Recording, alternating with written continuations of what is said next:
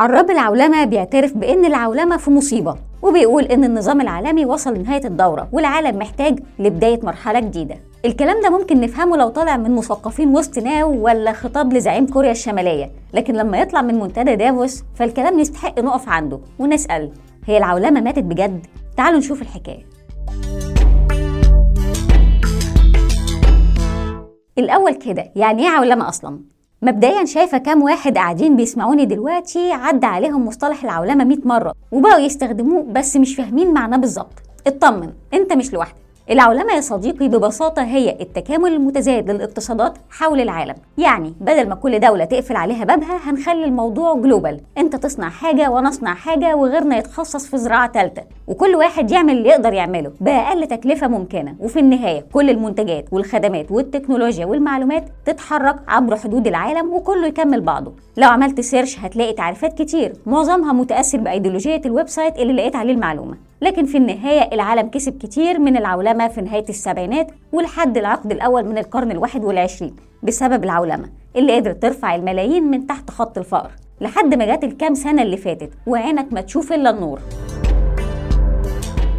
العولمة زي ما وصفناها أشبه بنظام الديش بارتي أشطر واحد في كل حاجة بيعملها. فأنا مثلا قلت سيبوا عليا اللحمة وحد تاني قال أنا هعمل لكم المكرونة بالبشاميل وتالت قال أنا هعمل الفراخ ورابع قال خلوا عليا الحلو. وطول ما كل واحد قادر يعمل حاجة ويوفر المنتج بتاعه للباقيين كلنا هننبسط طيب لو حصلت مشكلة واللحمة ما جاتش معلش لسه في فراخ طب لو ما جاتش هي كمان باظت ال dish party إيه علاقة حلقة المطبخ اللي إحنا بنرغي فيها دي كلها بمنتدى دافوس؟ أهو العالم بقى تحت نظام العولمة أشبه بحلقة المطبخ ديت.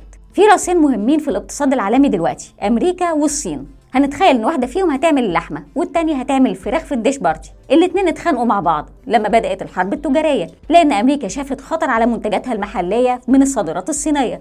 فبدأت تفرض إجراءات حماية لاقتصادها المحلي من خلال التعريفات الجمركية على البضائع اللي جاية من الصين. الحرب اتطورت شوية بالسخن وشوية بالبارد. وبدأ اللي بيسميه المحللين انفصال تجاري. أمريكا بدأت تفرض قيود على قطاع التكنولوجيا الصينية وتحاول تشل قدرة الصين على اللعب دور مركزي في سلاسل الإمداد العالمية. وقبل ما تسألني يعني إيه سلاسل الإمداد أصلا بص على الصندوق في ال description وهتلاقي رابط يلخص لك الموضوع. المهم الصين بقى قالت بس. أنا بقى كمان هعتمد على نفسي في الحكاية دي وهستقل بأي قطاع أقدر أعتمد فيه على نفسي بعيدا عن كل العالم. الاتحاد الأوروبي قال وأنتوا هتشتبكوا مع بعض وأنا اللي هدفع الثمن في الآخر. أنا كمان هحاول أستقل بصناعتي الاستراتيجية حتى لو احتجت أعمل ده بتمويل حكومي. لحد هنا وأطراف ال dish party كل واحد مقرر يحضر نفسه لسيناريو الحفلة فيها تبوظ. فمحضر منيو لنفسه والحفلة لو باظت هيبقى مكفي نفسه وخلاص. لسه الجدل ما خلصش في النقطة دي فكانت الضربة الثانية كورونا. الحال وقف طبعا بسبب تعطل سلاسل الإمداد من ناحية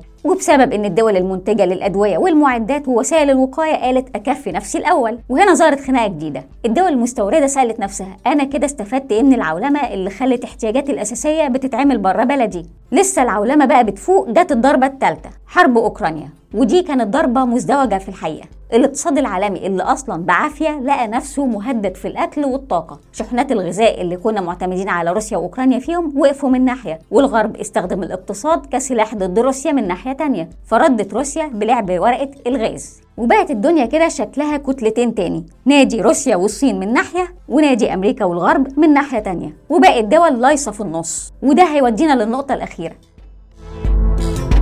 هل العولمة كده ماتت؟ سؤال وفاة العولمة كان العنوان الرئيسي لمنتدى دافوس. النزعة الوطنية بدأت تظهر في النقاشات حوالين العالم. اللي بتسمعه في الميكروباص بأن البلد لازم تعتمد على نفسها وتزرع وتصنع وكل حاجة وتكفي نفسها بعيدا عن العالم؟ هو هو اللي هتسمعه في دول كبيرة ودول صغيرة. يا راجل إذا كان الموضوع وصل إن منتدى دافوس نفسه يطرح السؤال يبقى عم حسن مش هيسأله؟ المهم يا سيدي إن منتدى دافوس رد بشكل واضح لأ.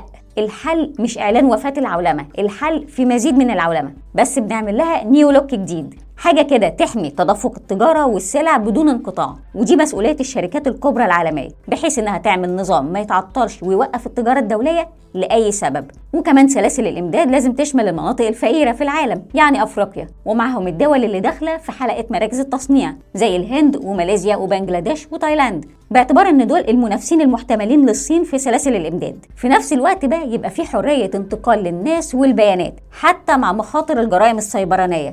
دي حاجة ما ينفعش توقف المراكب السايرة. مفوضي دافوس ومعاهم مديرة منظمة التجارة العالمية نيجوزي أوكونجي وإيوليا عبروا عن قلقهم وقالوا إحنا عايزين إعادة تخيل لشكل العولمة مش نفضها خالص هي بعافية شوية لكن مش ميتة.